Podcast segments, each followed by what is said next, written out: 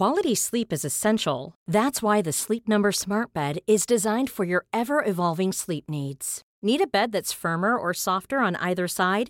Helps you sleep at a comfortable temperature? Sleep Number Smart Beds let you individualize your comfort so you sleep better together. JD Power ranks Sleep Number number 1 in customer satisfaction with mattresses purchased in-store. And now save 40% on the Sleep Number limited edition Smart Bed for a limited time.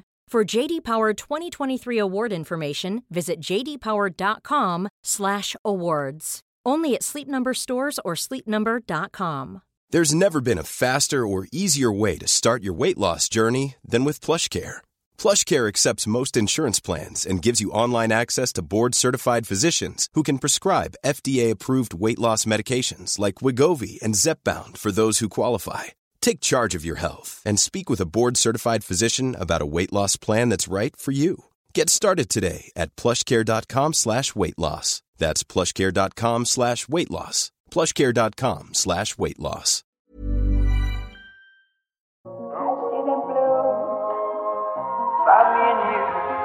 And I think to myself, what a wonderful world. Det er lørdag kveld, og um, det er jo sånn her vi liker å bruke lørdagene våre. Det er jo sånn det skal være, burde være, egentlig.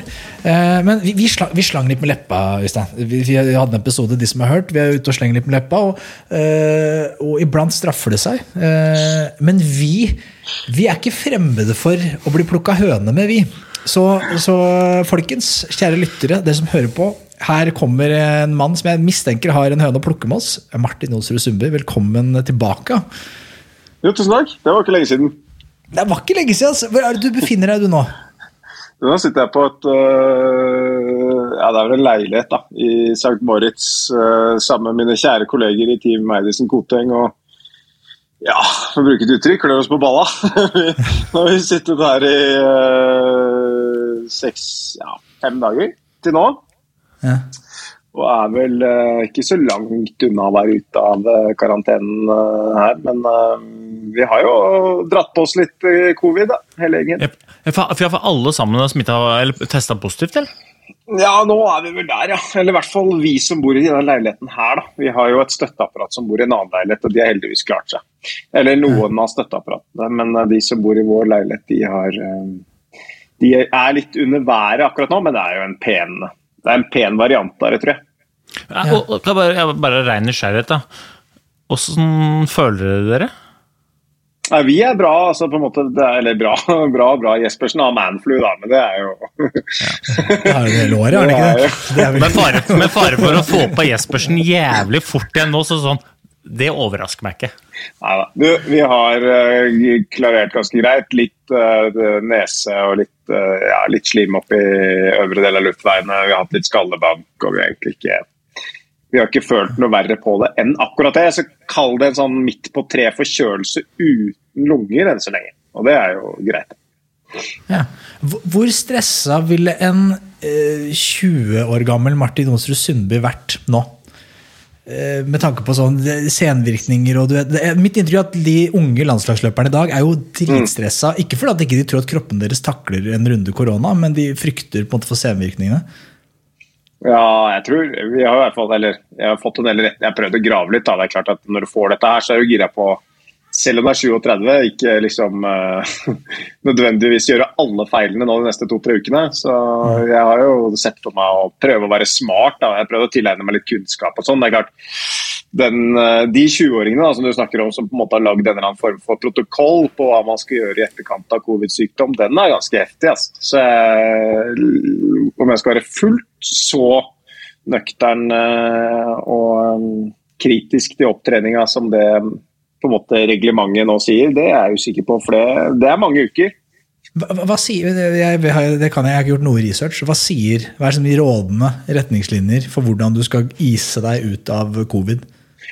Nei, altså, I den grad man har en gullstandard, så vil jeg i hvert fall påstå at Olympiatoppen og Idrettsforbundet har utviklet en eller annen form for gullstandard. Og så er det litt sånn, Når i forløpet av disse to årene den ble utviklet, er jeg usikker på. Men den jeg eh, fikk oversendt, eh, sier eh, etter siste symptom skal du ha en uke helt uten trening. Eh, og etter den ene uka så skal du ha en uke med annenhver dag med lett trening.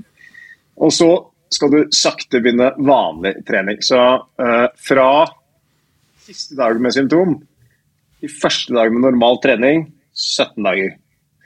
Um, og det vil jeg påstå er en røff uh, røff Ja, for det er nesten verre enn å være ute i ti dager med isolasjon. Vet du, for det er sånn. Eh, Men, men jeg kjenner jo deg litt, Martin. Uh, Hvor, hvor stor sannsynlighet, eller kanskje jeg skal stille spørsmål, hvor stor promille tror du er for at du følger det programmet til punkt og prikke? Så stor sannsynlighet for at jeg følger det programmet til punkt og prikke. Det er jo ikke, så jeg har prøvd å hente inn noe annen informasjon enn bare fra Ja, men da leter du bare videre. Jeg likte ikke den informasjonen. Hva Er det noe annen forskning? Dårligere forskning? Ta, gi det til meg. Det kan være dårlig, bare få, gi meg noe forskning. En polakk som har signert på noen papirer. Så jeg har prøvd å få inn, eh, få inn mer, mer på en måte fakta på bord, holdt jeg på å si. I den grad man kan si det, da, men dette blir jo bare meningsformidling og en eller annen form for eh, det verste, altså på en måte største risikoen er vel å ta en risiko. Eh, og så har ikke jeg noe behov for å ta den risikoen, men jeg tenker at Nyenge, jeg hørt noen rykter om han, han hadde vel ikke han var syk i høst, sikkert ganske lik situasjon som meg. og hadde sin første IT-økt seks uker etter at han fikk det påvist. Og det er eh, Det er alvor. det er jo restriktivt, da. Men han har jo Øystein Andersen, han er jo legen til Martin. Han er jo en knakende dyktig idrettslege, men han er vel også knakende forsiktig. Eh, så mm, det er Nei, vi får se. Resten av gjengen de går vel skirenn neste helg, så får vi se hva jeg gjør. Ja, Chris veit at han bryter uansett, så spiller det ingen rolle. Ok, ok, ok. Nei, men eh, Du er her jo for en grunn, Martin. Eh, og vi, altså, du, har jo, du har jo en stående invitasjon, virkelig. Eh, så håper jeg du bare biter deg merke i. Men, men, men eh, jeg tenker vi bare gir deg ordet litt, Martin. Fordi du, ordet er ditt. Nei, jeg ba jo om å få komme og Hva skal vi si øh, Hva er man, hva er det man har i journalistikken? Tilsvar, er det ikke det man har? Jeg tror det er tilsvarsrett. Jeg øh, har jo rast gjennom masse podkast de siste, siste dagene, så ærlig må jeg få være. Og deres dukket jo opp i dag, da. Eh, hvor jeg da ble lyttende til Dere hadde spist noe dårlig mat før den episoden, for der var det mye kritikk ute og gikk uti. Men eh, det var eh, i hvert fall eh, et av temaene på på den uh, podkasten var jo mitt eh, nye, holdt jeg på å si, ikke mitt, da, men Discoverys nye TV-satsing som heter 16 Weeks of Hell. og så Det var interessant. Jeg lytter jo alltid til eh, smarte mennesker, og det var jo liksom morsomt, eller spennende egentlig, å høre deres betraktninger rundt eh, det, det programmet, selv om dere ikke hadde sett det. Så, så var det noen betraktninger rundt eh, konsept og navn og eh, kanskje i størst grad innvirkning, altså navn, hvilken effekt navnet ville gi på entusiasmen rundt og effekten rundt og sånn. Så tenkte jeg dette var litt artig å diskutere, for jeg har jo stått i innspillingen i, i 16 uker og vet jo kanskje mer, mer om det enn det dere gjør. Og så var det spennende å høre, fordi vi har fått masse kritikk, ikke sant. Eller det har jo vært mye blest rundt denne serien nå egentlig siden den sparket i gang. og det for å være helt ærlig, det visste vi. det, det, det, var liksom, det var ikke noe som var mer forutsigbart enn akkurat at vi kom til å få mye kritikk. Og det visste jeg også når jeg hoppet på dette konseptet, at her kom det til å vandre fryktelig mye kritikk i den, den dagen vi hoppet ut med, med det. Og gikk jo noen runder med meg selv. liksom, ok, Skal jeg ta den sjansen på å stå i den kritikken, liksom? Eh, er jeg klar for det? Og så landet jeg vel på at eh, Um, jeg, jeg var ikke så bekymra for det dere debatterte, men jeg var mer sånn Selve treningsbiten av dette her er ikke my alley. Uh, så jeg var mer sånn skeptisk til om kommer folk til å godta at dette er noe jeg står for. Uh, men når jeg til syvende og sist landet på at jeg står for liksom selve konseptet, um, som jeg skal forklare mer om etterpå, så tenkte jeg at ok, dette prøver jeg. Jeg kaster meg ut i det. Eh, Jeg har lyst til å være en bidragsyter på et område som i dagens samfunn er helt sinnssykt viktig å debattere. Eh, Og når jeg liksom eh, landet der, så tenkte jeg ok, dette hopper jeg ut i. Superskeptisk. Dette blir spennende. Tok fatt i seks spennende mennesker med seks ulike historier. Og tok de med da ut i en verden sammen Discovery, selvfølgelig, som står bak dette her. Som for dem uh, regelrett var et helvete fra start. Um, og når jeg sier fra start, så er det fordi det endra seg underveis. Men, men, fra start så var det Det siste de egentlig ville i livet, var akkurat dette her. Selv om de egentlig ville det, hvis du skjønner hva jeg mener. Jeg, jeg skjønner jo akkurat hva du mener, for det er der jeg syns um, uh, Og det var grunnen til at jeg var kritisk òg, da. Uh, nå har jeg da sett første episode. Uh, og jeg kan jo begynne med å si at for det første gjør du en fremragende jobb som programleder. Jo, da, ja. det, det, er virkelig imponerende. Jeg vet hvordan det er å jobbe med TV. Det, det syns jeg er drita god, det skal du ha.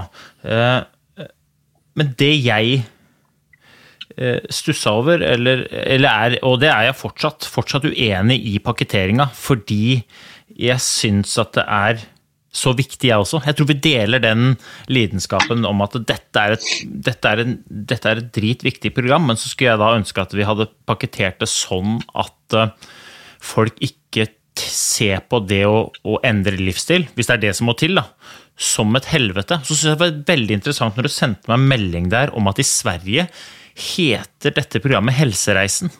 Og så mm. lurer jeg på hvorfor kunne det ikke hett det i, i, i Norge? Fordi inngangen til Helsereisen er litt som litt annen greie enn inngangen til uh, eh, 16 ukers helvete. Mm. Slik jeg ser det. Men, men uh, kjør på. Ja, og Det er jo liksom, det er en viktig vurdering som TV-selskapet har gjort, og den legger jo ikke jeg meg borti, selvsagt. Eh, jeg kan jo bare raskt rase gjennom bakgrunnen for TV-konseptet som kommer fra Sverige. Det er uh, tre svenske Peter som har funnet opp et konsept de kaller 16 Weeks of Hell. Det er et svensk konsept. Uh, det er uh, kort fortalt superenkle greier. Det var en PT i Sverige som heter Tony Tony han uh, skulle være forlover for bestekompisen sin. Det var fire måneder til bryllupet, og bestekompisen spør om Tony kan sette opp et trenings- og diettprogram til han frem til det bryllupet, så han ser litt ekstra sprek ut i den dressen sin under det bryllupet. Så gjør Tony det. Og Samtidig som Tony setter opp dette treningsprogrammet over disse 16 ukene, så, så, slenger han ut det åpent på Facebook og ber hvem som helst gud og hvermann være med bestekompisen på denne reisen frem til dette bryllupet. Eh, og så um, raskt over 20 000 medlemmer på den gruppa som følger dette treningsopplegget og som har helt syk effekt det. og så skjønner jo Tony, som er en smart businessmann, at dette gjør jeg business på. Uh, og så pakker han det inn i 16 Weeks of Hell, som da er blitt en av de største helsesuksessene i Sverige. Uh, under, den, under, det flagget. Uh, 16, 16, Weeks of Hell. Og så tror jeg det er litt sånn i dagens samfunn, gutter, når vi på en måte snakker om pakketeringen, at pakketeringen har jo mye å si i forhold til det å skape akkurat det vi gjør nå. Mm. Du, hadde dette het Helsereisen, så hadde ikke du giddet å prate om det. Du hadde sagt at det var kult, å, kult å invitere noen kjendiser med, og bra signaleffekt og sånn. Og så uh, og så er det klart at selve uh, helvetes uh, bildet her er, Bilder i dagens samfunn er helt håpløst. Det er åpenbart ikke et helvete her hvor du går rundt i flammer og djevelen er der og sånn. og men, men jeg, tror det, jeg, tror at man har tenkt her at det er vanskelig å nå igjennom uten en annen form for um, Dagens samfunn stappfullt av krigsfonter. Det er uh, Uansett når du slår opp igjen uh, et eller annet sted uh, i et medium i dag, så møter du en eller annen krigsfont som slår deg i trynet. Det å skulle skape en eller annen form for oppmerksomhet tror jeg de har følt at det er viktig. Og så um, er det nok det jeg eller ikke reagerte på, da, men det jeg syns er spennende å diskutere med dere, da, i, i den grad dere hadde liksom en, noe å utsette på tittelen, det er jo at jeg tror at den opplevelsen av å skulle bevege seg inne i Altså få definert noe som svært ubehagelig, da Eh, og du trenger ikke å kalle det et helvete. Det blir jo et billedsbegrep på noe som er svært ubehagelig. Um, jeg kan bekrefte at det har vært svært ubehagelig. Og så vet jeg jo mer nå enn jeg visste før vi dro i gang med prosjektet. 75 av den voksne befolkningen i Norge er overvektig. Det er ganske mm. heftig. På 40 år så har det gått fra 10 til 75% Og så sier jeg jeg tror ikke vi er i stand til å gjøre noe med det. Hvis ikke man erkjenner at de aller fleste er nødt til å ta et lite steg inn i det ukjente og det litt ubehagelige og det vonde. Og Kall det hva du vil, da. Men det er liksom bakgrunnen for diskusjonen. Jeg synes vi kunne, Det er spennende. Ja, og, og, og, vet du, jeg digger det. Og vet du, jeg um, kjenner, For de som ikke vet, da, jeg kjenner Martin innmari godt, og jeg vet hva Martin står for. Jeg prøvde jo å si det, og dette dreier seg ikke om Martin eller om programmet, dette dreier seg om liksom, uh, vinklinga. Men, det, uh, men, men, men her, det her er spennende, for du sier at det på en måte um, det er så viktig å nå ut i den kommersielle verden. Og det er jeg enig i, men så de folka du har lyst til å, ta, få tak i, det er jo de som trenger det mest. Og så tenker jeg, kan det være da sånn at de folka som trenger det mest, kanskje er minst mottakelig for at det er et helvete? Og at det kanskje da helsereisevinklinga ville vært lettere for oss å tenke, da. Så da jeg får bruke uh, forloveren til Tony som eksempel, da, for ikke si et navn som noen plutselig føler seg truffet. av. Forloveren til Tony, tror du han uh, altså lettere du kan men ok, Kanskje dette kan være for noe for meg, istedenfor at det er sånn helvetesreise. Det er jo det ene. At, og, og, folk må ikke misforstå meg. altså Konseptet hard jobbing det er et konsept jeg øh, kjenner ganske godt til. Og konseptet med at ting må være litt ubehagelig for å få til om det er et retningsskifte eller å få til ganske store prestasjoner, det er jeg også veldig kjent med. Men kan det være sånn at det, hvis inngangen er liksom at dette er noe positivt, så vil den, lette, den harde jobben føles litt lettere enn hvis dette er sånn dette er tvang i utgangspunktet, og nå, vi, nå, nå blir det bare smerte, smerte, smerte. Hva tenker du om det? Mm, jeg, jeg, tenker åpenbart at du, du, har lettere for å lure flere med den inngangen din. Uh, jo, men, jo men, men, ikke, men, hvis de har eierskap til målet, hvis målet er sånn som uh, forloveren til Tony, eller om det var mm. Tony sjøl, som virkelig vil det, liksom, for da kan jo du si i første program ok, greit, folkens, de som ikke vil dette her, de som ikke vil være med på helsereisen, der er døra. Mm. Uh, fordi at dette eh, kommer til å kreve haug av ting. Dette mm. kommer til å kreve så mye av dere. Men hvis dette er noe dere vil, så kommer dette til å være en reise hvor dere kommer til å få bedre helse. Altså, Jørn Hoel klarer null situps. Mm. Du kommer til å ha sinnssyk mestringsfølelse, og det kommer til å kreve alt av deg. Men jeg tror ikke det blir noe helvete hvis du virkelig vil det. Mm. Men hvis du ikke vil det, gå ut av døra, for da kommer dette til å føles som et helvete. Mm. Det var på en måte, det er, det er, sånn jeg tenker rundt det. Mm. Og, så, uh, ja, og, og, det fikk jeg forståelse av når dere, når dere diskuterte det i poden. Uh, og jeg uh, er jo enig i at det å skulle ha inngangen til flest mulig folk på denne måten uh, Ja, og så, og så, tenker jeg i dagens samfunn at folk har vært gjennom nok av de rundene. Folk har blitt presentert for nok av de mulighetene til å gjøre det. Hvor mange sånne dietter finnes det ute? Hvor mange løsninger, hvor mange treningsopplegg? Hvor mange tilbyr ikke på en måte den derre uh, feinschmecke greia. Her har man faktisk en ganske brutal inngang på en motsetning til mye annet. Og det er i hvert fall en erkjennelse om at alt det andre, når den voksne befolkningens uh, overvekt kun stiger, så funker i hvert fall ikke det andre.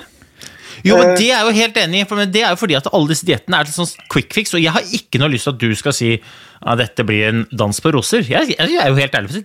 Hvis dette her, hvis dere har lyst til å være med på en helsereise, så kommer det til å kreve dritmye. Det må dere vite, folkens. Men hvis dere har lyst til å bli med, så kommer det til å bli helt konge så lenge dere gjør det skikkelig. Men det kommer til å kreve alt av dere. Men hvis man pakketterer inn den veien, altså har du lyst å ta eierskap, få det på. Hvis ikke du har lyst, så kommer det til å bli et helvete uansett. Dra hjem. Martin, jeg må stille ja, ja. ja, Svar gjerne på det hvis du først. Jo, jeg, jeg, jeg, er enig, men samtidig på en annen side um, Det å, å, å, gi seg Velge å faktisk erkjenne at OK, ja, dette her veit jeg blir et helvete for meg. Jeg veit at jeg gir opp så mye goder. Jeg vet at alt jeg på en måte liker å kose meg med i hverdagen. Men vi lever, vi lever i den beste tiden vi noen gang har levd i. Det er faen ikke et menneske unnskyld språkbruket, som har altså, De fleste har det så jækla greit i hverdagen. De møter ikke motstand. De har ingen følelse i hverdagen sin av at det på en måte er et eller annet hinder jeg må over. Det er sjelden ting er vondt. Vi lever i en liksom ubestemmelig tid. Det er mye i samfunnet, på en måte, men de fleste av oss har jo på en måte den beste tiden av historien noensinne. Men likevel så velger vi å gjøre hverandre så vondt da, at på en måte samfunnet presenterer en, den største helsepandemien vi har, folkens, er fedme. Uh, worldwide. Uh, og jeg tenker at det kommer til å være et helvete å få snudd det! Jeg, jeg, må bare spørre før du kom på altså, Fikk du noen gang spurt de folka, eller, eller, og dette vet jo du har reflektert over, men jeg er så nysgjerrig. Hva er det som gjør at vi selvsaboterer oss selv? For det er ikke noe sånn at uh, Jørn Hoel trenger jo ikke Martin Sundby og en vekt på et eller annet treningssenter for å skjønne at det, det, står ganske dårlig til med helsa. Hva i all verden er det som gjør at Jørn Hoel, en oppegående mann som synger sanger så jeg sitter hjemme og øh, nynner, bare selvsabotere seg selv? For det er ikke det han vil. Han vil jo ikke la kroppen forfalle. Fyren vil jo være frisk og rask og være her så lenge som mulig, håper jeg. Mm. Spurte hun om det? Nei, men Vi har gått mange runder på dette. Det var flere personligheter ikke sant? og utrolig mange spennende personligheter med i dette programmet med helt ulik inngang og motivasjon. Og tre av de var ikke motivert heller, annet enn at det var et TV-program de vant på. Eh, så Det var jo de verste å få med der. Det var jo de som i utgangspunktet er, det er TV, liksom, og det er sikkert sunt å, sunt å, å, å gjøre en endring. Eh, men eh, Så jeg hadde jo en kraftig utfordring sånn med, med, å møte ulike personligheter inn i dette. Det var kjempespennende. Eh, men det som ofte møter deg, er jo eh, Jeg gidder ikke. Eh, orker ikke. Har ikke tid. Ikke kunnskap. Men aller mest er kjedelig. Og, og disse, hvis du, hvis, du, må utfordre alle disse momentene her, som jeg tror gjelder helt utrolig mange mennesker, så kom ikke å si at uansett hvor jævlig motivert du er, så er det det kommer til å bli ekstremt ubehagelig å gjøre den endringen som skal til for å endre livet ditt. Og sammenligne med hvem som helst sitt liv. Altså, jeg kan sammenligne meg selv for at jeg har holdt på og hatt et mål som jeg har brent beinhardt for hele karrieren. Det er, det, ikke hatt lyst til å gjøre noe annet enn å gå fort på ski, men jeg er også dønn ærlig på at 40% av de øktene jeg drar ut på, det er et kraftig ord, men det er et helvete å komme seg ut. Uh, og, og, og, det er uh, Jeg tror at folk er ikke vant til Folk har ingen egen følelse eller kunnskap om at man må gjøre noe som er dritt for å komme et sted som er fornuftig å være. Og det, det her jeg tror at den der helvetesanalogien mm, du, du, kan vri og vende på den, men du kommer nok ikke utenom at følelsen av å gjøre den endringen Uh, jeg, jeg, tror ikke den Uansett hvilken motivasjon du kommer inn i, og det merket vi, så slår den sprekker. Uh, fordi det er for ubehagelig å gjøre den endringen. Så du sprekker, du faller tilbake, du klarer ikke å stå i det. Du må opp på hesten igjen. altså på en måte Du får hele de der utfordringene underveis. og jeg tenker det er dritbra å bli inspirert. Det er jæklig bra å få et uh, spark i ræva av og til og liksom få en eller annen smooth inngang.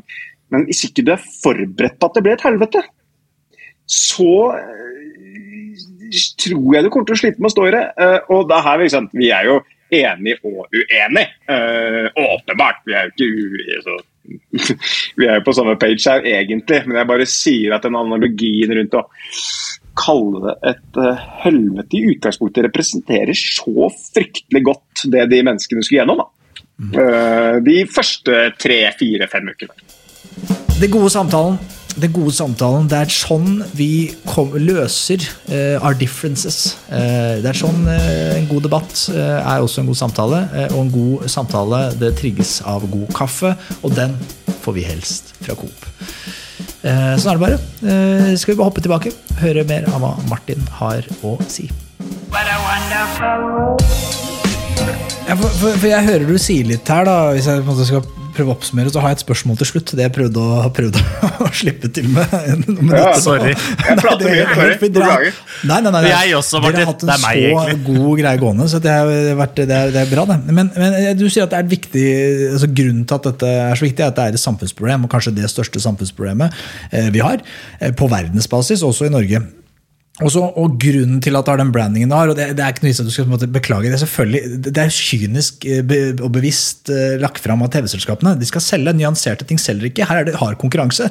Og hva er det vi elsker å se? Vi digger å se kjendiser som sliter. Om du kaller det Kjendisfarmen eller Kompani Lauritzen. Det er det som er konkurrentene, og det vet Discovery jævlig godt. Og Derfor må de kalle det noe som, eh, som, som ikke er altså Helsereisen. Da konkurrerer du med Puls, da de ikke har TV for 20 år siden. Så, så, så det, det skjønner jeg. Vi skjønner jo det, jeg og Øystein nå. Men det som, som vi snakker om litt her, er at gitt at og her kommer spørsmålet, gitt at du faktisk eh, skulle måte, eh, Du var ansvarlig nå på vegne av den norske stat for å løse utfordringen vi har med fedmeproblemet. Mener du oppriktig at den beste strategien, sånn det du ville bedt folk gjøre, er å gå fra 0 til 100, som jeg opplever er litt det som skjer i programmet her. Det er jævlig god underholdning å se, se Christer Falk eh, gå fra å ligge på sofaen i 20 år, og så plutselig skulle opp intervallet tre ganger i uka. Det er god underholdning, men jeg tror ikke at det er den Hvis, jeg skulle, hvis det målet mitt var at Christer Falk skulle få en bærekraftig, god helse eh, resten av livet sitt herfra ut, så tror jeg at det finnes en annen strategi som ville gjort det mer sannsynlig at han ville stått i det over tid. Da. Nå tror jeg det er 16 uker med god underholdning for oss, og Christer Falk blir i god form, han sier god selvtillit, og så, og så trapper han av, slutter litt med det er jo slitsomt, for det, det er jo et helvete, og så faller han av. da. For han har ikke liksom kanskje angrepet det på rett måte fra starten av. Kanskje om, jeg vet ikke, men Nå snakker jeg mye. Hva, hva, er- dette her, du har Oppgaven er du er ansatt på vegne av norsk stat. Du skal løse dette problemet. Hva gjør vi? Nei, ja, det er kjempe, kjempespennende. Og utgangspunktet kanskje der vi tenkte at vi kom til å møte mest eh, motstand. Altså, eller at der kritikken kommer til å komme. og Det visste vi, for det var der kritikken kom i forhold til det svenske opplegget. Og kritikken kom i størst grad da, i forhold til dette opplegget her, som det skal sies, ikke vårt opplegg, men vi rebrander det under et norsk flagg fra en svensk eh, gründer som har eh, solgt konseptet og kalt det 16 ukers helvete. Sånn sett hadde ikke Discovery noe valg. Men, men eh, det som er svaret mitt på det, er at jeg tror at du kan presentere dette her på den måten som vi har gjort nå. Det er ingenting med dette som er et helvete. De må gå altså sånn i vår verden, gutter. De skal ut og gå en time om dagen. Helt spasere. Ja, eller Hun kalte det for powerwalk, og det, Ja. det var forskjellen på powerwalk og bare gå. Men det er jo det det, det er en helt annen sak. For, vår, for våre deltakere så var det ganske det same same. De kom seg fire-fem kilometer første timen. Eh, og, og det er det de skal gjøre. En gang om dagen. Gå en time. Altså rett og slett bare gå en time. Ikke noe løping, ikke noe intervall. Det er ikke noe, er, that's it, liksom. Det er det som skal få i gang dette systemet. Jeg tror, jeg snakker for de aller fleste i hele dette landet, her, at det å gå en time om dagen det er rimelig innenfor rekkevidde, uten at noen av de kaller det for et helvete.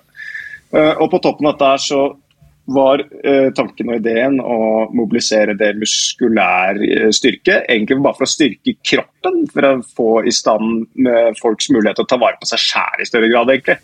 Så en del styrkeøvelser i styrkerommet ligger på toppen fire dager i uka. Og det er liksom en time styrke. Så hvis du regner ren trening, fire timer i uka med styrketrening, det er det de skulle gjennom av fysisk, pluss å gå seg en tur. Og i min verden så er det på en måte rent overkommelig for samtlige mennesker i, i landet her. Og så gjør man det som er quick fixen her, vet du, det er jo at du, du kutter alt på dietten. Altså du har en ganske sharp streng diett. Du skal spise på åtte timer, eh, du har et begrenset inntak med antall kalorier, så du kommer deg veldig veldig, veldig raskt fra A til B på fire måneder. Og Så kommer ditt uh, argument. Er det måten å løse dette problemet på? Og så sier jeg at uh, jeg skal sammenligne med meg selv, da For å bruke et forferdelig dårlig bilde på det, egentlig, men jeg liker jo ikke å være i dårlig form. Så etter en lang offseason, hvor jeg har elendig form uh, gjennom hele karrieren det er ikke sånn at jeg sparker i gang mai med 30 timer, for å så ha 40 timer i, i juni, og så ha 50 timer i juli og 60 timer. Det er ikke det. Jeg har hatt 25 timer i ikke en dritt, ræva form i april, 105 timer i mai. Smack på. Hvorfor det? Jo, fordi at det gir meg en følelse av at jeg flytter meg kjapt. Og det å flytte seg kjapt og gjøre mye riktig på kort tid, kan potensielt, forhåpentligvis, skape eh, noen positive effekter. Én, du lærer mye på kort tid. To, du flytter deg raskt på kort tid. Tre, du blir ganske glad i den endringen som har skjedd. Potensielt kan ivareta den over lengre tid. Og tre, det går tilbake til et normalt liv, da, hvor du i utgangspunktet ikke skal uh, flytte deg så raskt, men du skal vedlikeholde. Vil kunne kjennes ut som en svært overkommelig oppgave for mange. Og jeg ville tenkt sånn, Hadde jeg vært 50 kilo over, uh, eller ikke det trenger ikke å være det, eller, men hadde jeg hatt en usunn livsstil uh, og, og, på sett og vis ønsket å flytte meg, ønsket å gjøre noe med det og søkt råd, så tror jeg i hvert fall jeg hadde tenkt at hvis noen kom og serverte meg du i løpet av tre, tre og et halvt år, så skal du være på et jævlig bra sted. Du skal jobbe, få jobbe i tre og et halvt år, og så, og så har vi på en måte en, eh, det vi kan kalle en, en, plan som gjør at det er lett å vedlikeholde. Eller du kan si du, i løpet av fire måneder så kommer du til å gå fra å ha diabetes, du kommer til å gå fra høyt uh, kolesterol til å være sunn og frisk, og til å kunne ta vare på deg selv. Så tror jeg at, jeg, uh, at mange tenker, ikke alle, men mange tenker at det siste alternativet er fristende. Og det er det vi tester ut her. og Dette er jo bare et konsept og et prosjekt som det har vært utrolig spennende å følge. Litt fordi vi har sett uh, mirakuløst gode resultater. Altså type på helseaspekter mirakuløst gode resultater. sånn fra å være dødssjuk nærmest til å være friske mennesker på fire måter. Uh, og så har jeg sett Det aller mest fascinerende for meg har vært de som kom inn sånn mørk og dyster skygge rundt seg. Ikke de, altså, jeg kan ikke kalle de deprimerte, men kall det liksom mørke, da. Mm. Uh, og som gikk ut etter fire måneder så sykt glad i livet. Uh, fått nye nøkler, fått en annen gnist. Og det har skjedd på så kort tid at det har vært overkommelig for dem. De har klart å stå i det og blitt glad i det. og liksom det var en dødskul reise for meg å være med på. Det hadde jeg ikke trodd, for å være helt ærlig. Eh, det Jeg må bare skyte inn, der, for det Martin prater om rundt de derre eh, han sier det jo, eh, uten å nødvendigvis si det. Jeg vet ikke om folk hørte det han sa, men han sa at de første fire-fem ukene ser de på det som et helvete. For da er det mye jobbing, og da er det, da er det veldig ubehagelig. Men så begynner effekten å komme. Du vet jo Hans, at jeg ser på motivasjon som en konsekvens av å gjøre jobben, ikke som en faktor for å starte. Jeg tror det er det Martin og, deltakerne møter. Da. Fordi de opplever, Jeg kaller det for moment. Følelsen av å være på vei et sted. Og det heller bensin ned i uh, følelsene Martin prater om. Altså det er liksom, om, det er motivasjon, eller om det er mestring, om det er glede, glød, eller entusiasme eller engasjement. Hvis du hadde spurt meg hva jeg er redd for, så er det å miste det momentet. For da er det så tungt å komme i gang igjen. Mm. Mens når du først har det, så er det lett å vedlikeholde. og det på en måte, så, jeg, jeg, følger deg på innmari mye. Det eneste jeg er opptatt av, eller eneste jeg på en måte var kritisk til, er den pakketteringa rundt inngangsvinkelen på at det å få til noe er et helvete. Men utover det så kommer jeg til å følge med på programmet. Og jeg synes, kommer i hvert fall til å følge med på deg, Martin. for at øh, jeg tror du kommer til å bli en øh, Jeg tror faktisk du kommer til å bli programleder. Jeg tror Niklas kommer til å bli sånn ekspert. Jeg tror faen meg du kommer til å bli programleder. Altså.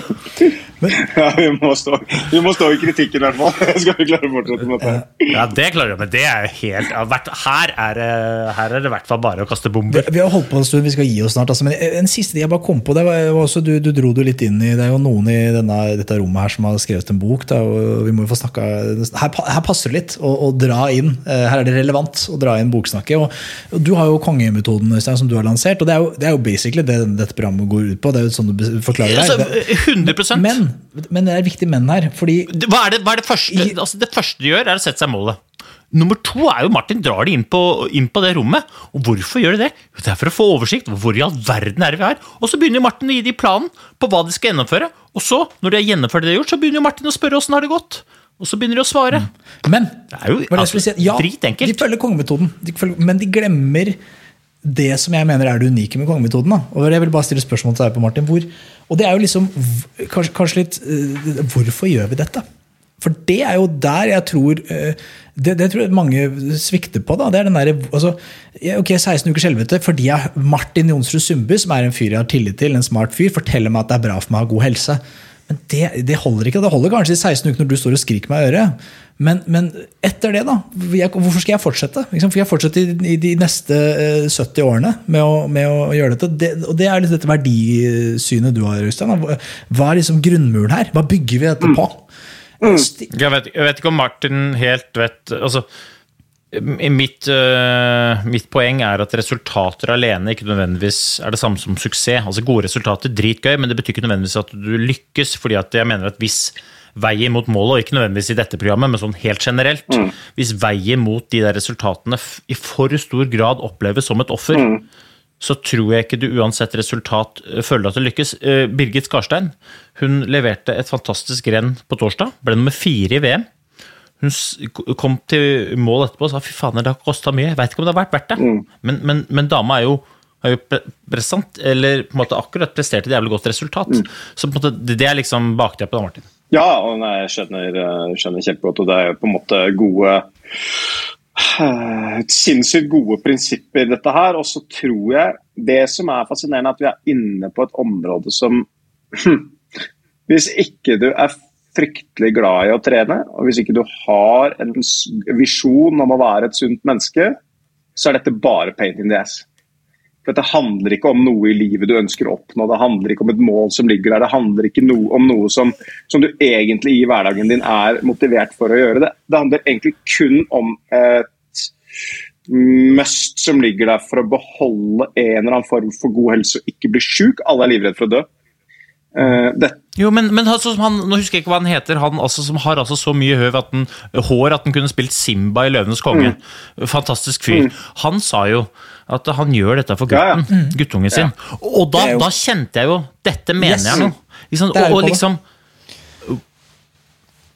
Hvis han virkelig mener det Den motivasjonen er ulik fra person til person, ikke sant? Jo, men, jo, men jeg tror liksom det verdispørsmålet kan ligge der uansett. Mm. For jeg tror, jeg tror det er så dritviktig å ha ha forankring i eh, og dette kommer til å høres flåsete ut, folkens, men liksom hvem folk har lyst til å være. da. Mer enn hvordan folk har lyst til å se ut eller, eh, eller blodvær. For jeg tror ikke at hvis de på en måte gjør det for noen andre, mm. og bare for noen andre, at de vil føle at de lykkes allikevel. For da vil de i for stor grad gå på på bekostning av hvem de har lyst til å stå for. Da. Mm. Men jeg tror ingen av de har lyst til å være den fyren som er i så dårlig form at de ikke orker å ta en situps eller ikke orker å leke med ungene sine. Det, det nekter jeg å tro. Nei, nei det, er, det, er, jo for så vidt et godt poeng, samtidig som all statistikk og befolkningen generelt motbeviser jo det du sier. For at alle går ja, nei, eller, vekt, tror... alle, alle, har jo utgangspunktet den grunnleggende motivasjonen, eller burde hatt den. men jeg, jeg vi er... Ja, Da er vi ikke tilbake på selvsaboteringsspørsmålet. da. Hvorfor i all verden klarer vi da ikke Samfunnet jobber mot deg. Fy fader, Se hva du blir presentert for i, i samfunnet. Se hva du møter av mat, hvem, hva du skal drikke. Altså, måtte se hva industrien presenterer for deg som menneske som du skal motta, hva du har blitt fortalt at du skal spise, hvordan du skal spise. Så, uh, og det vi i 2022 ikke kan gjøre, for da krenker vi folk, det er å snakke om hva tingenes tilstand egentlig er. Eh, ja, det er, det og, det og, det er ingen som tar opp dette folkehelseproblemet. Det blir ikke fronta. Vet du hva vi skal nå? Vi skal, vi skal heve terskelen på hva vi kaller for overvektige mennesker for å få mindre andel av norske befolkning til å være overvektig. så, så, skal, vi, så skal, vi, skal, vi, endre beskrivelsen av hva et overvektig menneske er. Fordi vi skal flytte oss nærmere normalen. For normalen er overvektig. Jeg sier ikke at måte folk og, og ta, Dere må misforstå meg rett. Jeg mener at det som er vesentlig her, er å ha god helse. Ikke å være tynn. Uh, så det å ha god helse er en kombinasjon av å gjøre de riktige valgene i hverdagen. og Det tror jeg er vanskelig i 2022. Og så tror jeg at men, men, men, men ja, det, er jo 100% enig i. og det, Der vi er enige, er at det, vi må ikke pakkettere det dritviktige budskapet inn i at det blir et helvete. For da tror jeg vi mister for mange. fordi akkurat som du sier, det er ikke folk klare for, oss, for det er for mye annet fjas vi må styre med. Men tenk deg om dette blir presentert som like farlig som covid, eller ti ganger verre. Så tror jeg folk Det er jo det! Så det er jo det. tror jeg folk altså, Hvor redd er folk vært for pandemien, liksom? Mm. Hvis de hadde vært like redd for den situasjonen med å være, eh, et, være usunn, så tror jeg å, fy faen, der kom motivasjonen, gitt! Dæven døtte. Men, men, 7. 7. oktober så holdt jeg på å stryke med med hjerneblødning. Etter, det, etter 7. oktober så har jeg fått så mange spørsmål av folk som spør meg ja, ja, det har vel sikkert ført til at du har tatt en haug av retningsskifter i livet, og nå passer du vel på alt rundt deg, og nå, sånn og sånn og sånn. Og så svarer jeg sånn Hvorfor stiller du meg det spørsmålet? For du vet jo du, du, har jo allerede svaret allerede inni deg. Det er ikke sånn at dette er noe hemmelig for meg for at jeg holdt på å stryke med. Det er ikke sånn at de som akkurat overlevde bilkrasj eller hjerteinfarkt eller fikk kols og overlevde Det er ikke sånn at de plutselig får en sånn eureka. Dette veit vi jo, men vi gidder ikke inntil vi må. Og der er jo poenget ditt jævlig godt. For det er sånn, inntil vi må, inntil Martin Sundby kommer til Jørn Hoel og sier kan, vi skulle egentlig ha øvd på å legge oss ned, for det er tydeligvis for krevende for dere, folkens. Så gidder ikke. Det er jeg helt enig i. Der må vi sette hardt mot hardt. Og så tenker jeg at det, før vi kommer dit, så må vi få med flest mulig da med å si dette her er for dere, folkens. Og målet her kommer til å være fantastisk. Og så når vi kommer dit, så kan du si Men det kommer til å koste alt dere har, og mer enn det. Og det kommer ikke til å bli så behagelig som reisen hit har vært. For den reisen den har vært så behagelig at du har kjørt deg sjæl ned i sumpa. Mm. Har, krenkesamfunnet gått for langt på det? Er det det som er det du mener? Sånn, både det faktum at vi sitter og debatterer at å nei, å nei, Martin Sundby er med på det, det er helvete, liksom. Å nei, ikke sant? Og så sitter du, jeg, får en følelse av at du sitter og tenker, men skjerp dere! Det er jo ingenting å si, det er jo ikke relevant om det heter helvete. Det kunne hete bare promp og fjas og tull. Det, det, jo, det vi driver med her, er å, er å redde verden som er i ferd med å ødelegge seg selv. Da. Mennesker som er i ferd med å ødelegge seg selv, sakte, men sikkert. Men fordi det er ulovlig å peke på en tjukkas og si 'tjukkas', i Norge. Det er blitt ulovlig. Det er jo, det er kjempe, det er, det er jo krenking. Det er ikke lov. Så må vi gå rundt og si sånn ja, nei, tung beinbygning her borte. Ok, ja, vi har justert litt. Vi er jo blitt, ja, men vi har blitt tyngre, folkens. Altså, mennesker er tyngre enn de var for 20 år siden. Og det, og det er bare feil. Vi er jo ikke det. Vi er jo det samme, samme DNA, tror jeg, til mer eller mindre presist. Er det en sånn er, er, det, uten at du behøver å, er det litt det du sitter og tenker? Nei, jeg, jeg, tenker jo at Dere er to rasende oppegående gutter og, og, smarte folk. liksom, så jeg tenker jo utgangspunktet at det dere burde ha tatt tak i når dere snakket opp programmet, var uh, helseeffekten av de endringene som ble gjort underveis, uh, framfor hva, hva det, det heter. Men det kan ikke. Ja, ja. ja. Og, og det er vi jo enig i. Men det, ja. Men jeg, det var mer som en sånn samfunnsmessig greie. fordi at du har jo helt rett. Hva er det som presenteres? Jo, det er disse quick-fiksene. Og, og hvorfor er det? Jo, det er for å undergrave det derre det er, så, det er så jævlig hardt å få det til. Ikke sant? Det er derfor sånn, Hva er det meste googla på uh, eh, 1.1? Er det sånn, kanskje hvordan bli kvitt hangoveren fortest mulig, men så er det liksom hvordan komme i best form mm. veldig fort. Og da, da dukker opp en haug med sånne kurer og tjo og hei. Mm. Ikke det derre Vær litt bevisst på hva du dytter i gapet, hvordan du faktisk bruker kroppen, og gjør det ganske mye. Mm. Sant? Hold på. Og akkurat hva du gjør, det er ikke så farlig, men det handler om å holde på. Du kan begynne med å gå, og det kan godt hende at det føles uh, som et helvete, det, altså. Men hvis du vil det skikkelig, så tror jeg at reisen dit blir grei. Men uh, uh, Og vi, vi, vet du hva? Vi tar, vi tar, jo, vi tar jo så, Nå får vi ikke lov til å invitere de gjestene hit nå. For det er, vi kan jo ikke, kan ikke spoile programmet. Men vi må jo ha disse folka inn. Ja. Altså, vi vil jo ha disse folka inn. Høre, mm. fadderen, fortell meg! Og, og, og, og, hvordan var det? Og bare for, for dette, dette, her er jo folkeopplysning. Mm. Virkelig. det er det vi håper dette vi, er jo spennende. Det er det vi håper at vi kommer til å få til. Ikke sant? Det er jo at, at det er kjente, kjente ansikter som i utgangspunktet tar dette valget om å ok, vi skal gjøre noe med helsa. Dette handler ingenting om slanking å gjøre i utgangspunktet, ikke sant? Men, men, det blir det der det som blåses ut. da. Men det å få god helse er faktisk jækla krevende hvis du har latt deg forfalle. Uh, og du må inn i det med hud og hår for å velge å stå i det. Og det tror jeg disse menneskene kan være jæklig gode eksempler på at uh, fryktelig mye er mulig. Selv for en fyr som Jørn Hoel, som er 65 år gammel. Uh, som utgangspunktet var mitt kanskje største mål inni det. Det var å få Jørn, da, som representerer den der gruppa med de som egentlig har gitt opp litt. Mm. på en veldig god måte. Jørn har hatt et hjerteinfarkt, han har vært ute og sykle og holdt på å stryke med tidligere. Liksom. Det er liksom den typen som er spennende og klarer, klarer å dra i gang de, da. Så får du liksom kanskje med deg noen. Så jeg håper at uh, de seks kjendisene våre kommer til å bli gode uh, forbilder for mange andre. At det skal gi en form for inspirasjon. Det finner vi ut av. Kanskje er det mange som hiver seg med på dette, Og, uh, dette opplegget. Og i Sverige så er det drita mange som, som, kjører det og som har god effekt av det. Så det er, det er en worldwide spennende, spennende, greie. Og så tenker jeg at det, det er Neste gang så må dere se programmet før dere bare tar tittelen, gutter. Det, det, lover vi. Men et siste, et siste, spørsmål, siste spørsmål. Du har seks uh, kjendiser der ute som har gjennomført en transformasjon, mm. og som forhåpentligvis har gått uh, fra å være elendig til å bli veldig mye bedre. Håper du at de går rundt som ambassadører for budskapet og sier det er et helvete å få til noe, folkens? Eller håper du at de går rundt og sier det er drita gøy å få til noe? Eh, Jeg håper litt begge deler. Jeg håper at de sier at de er ærlige på at det var et helvete, men fy faen så gøy det ble til slutt. Eh, fordi at uh, Litt sånn jeg har også tenkt i min, uh, i min karriere at ok, dette jævelskapet her presser jeg meg gjennom, liksom. For det er så, ja, det er så morsomt til slutt, liksom. Det er så gøy med det resultatet som muligens ligger i enden. Eh, det å gå en femmil i Holmenkollen Pettersen, det er et helvete, ass. Men det er dritgøy hvis man får et godt resultat ut av det. Eh, jeg- Men det er, det er god, god analogi. Nå, skal vi, nå, nå går bakgrunnsmusikken her. Men det er jo sånn, burde programmet hett, akkurat som Femmila i Kollen, burde det hett 16 Altså 16 uker. Fire av dem i helvete og tolv av dem i, flytsona. Akkurat som eh, det var å gå Femmila i Kollen med dere. Liksom De første tre kilometerne da jeg hang på, så var det et helvete, men derfra inn så kosa jeg meg skikkelig.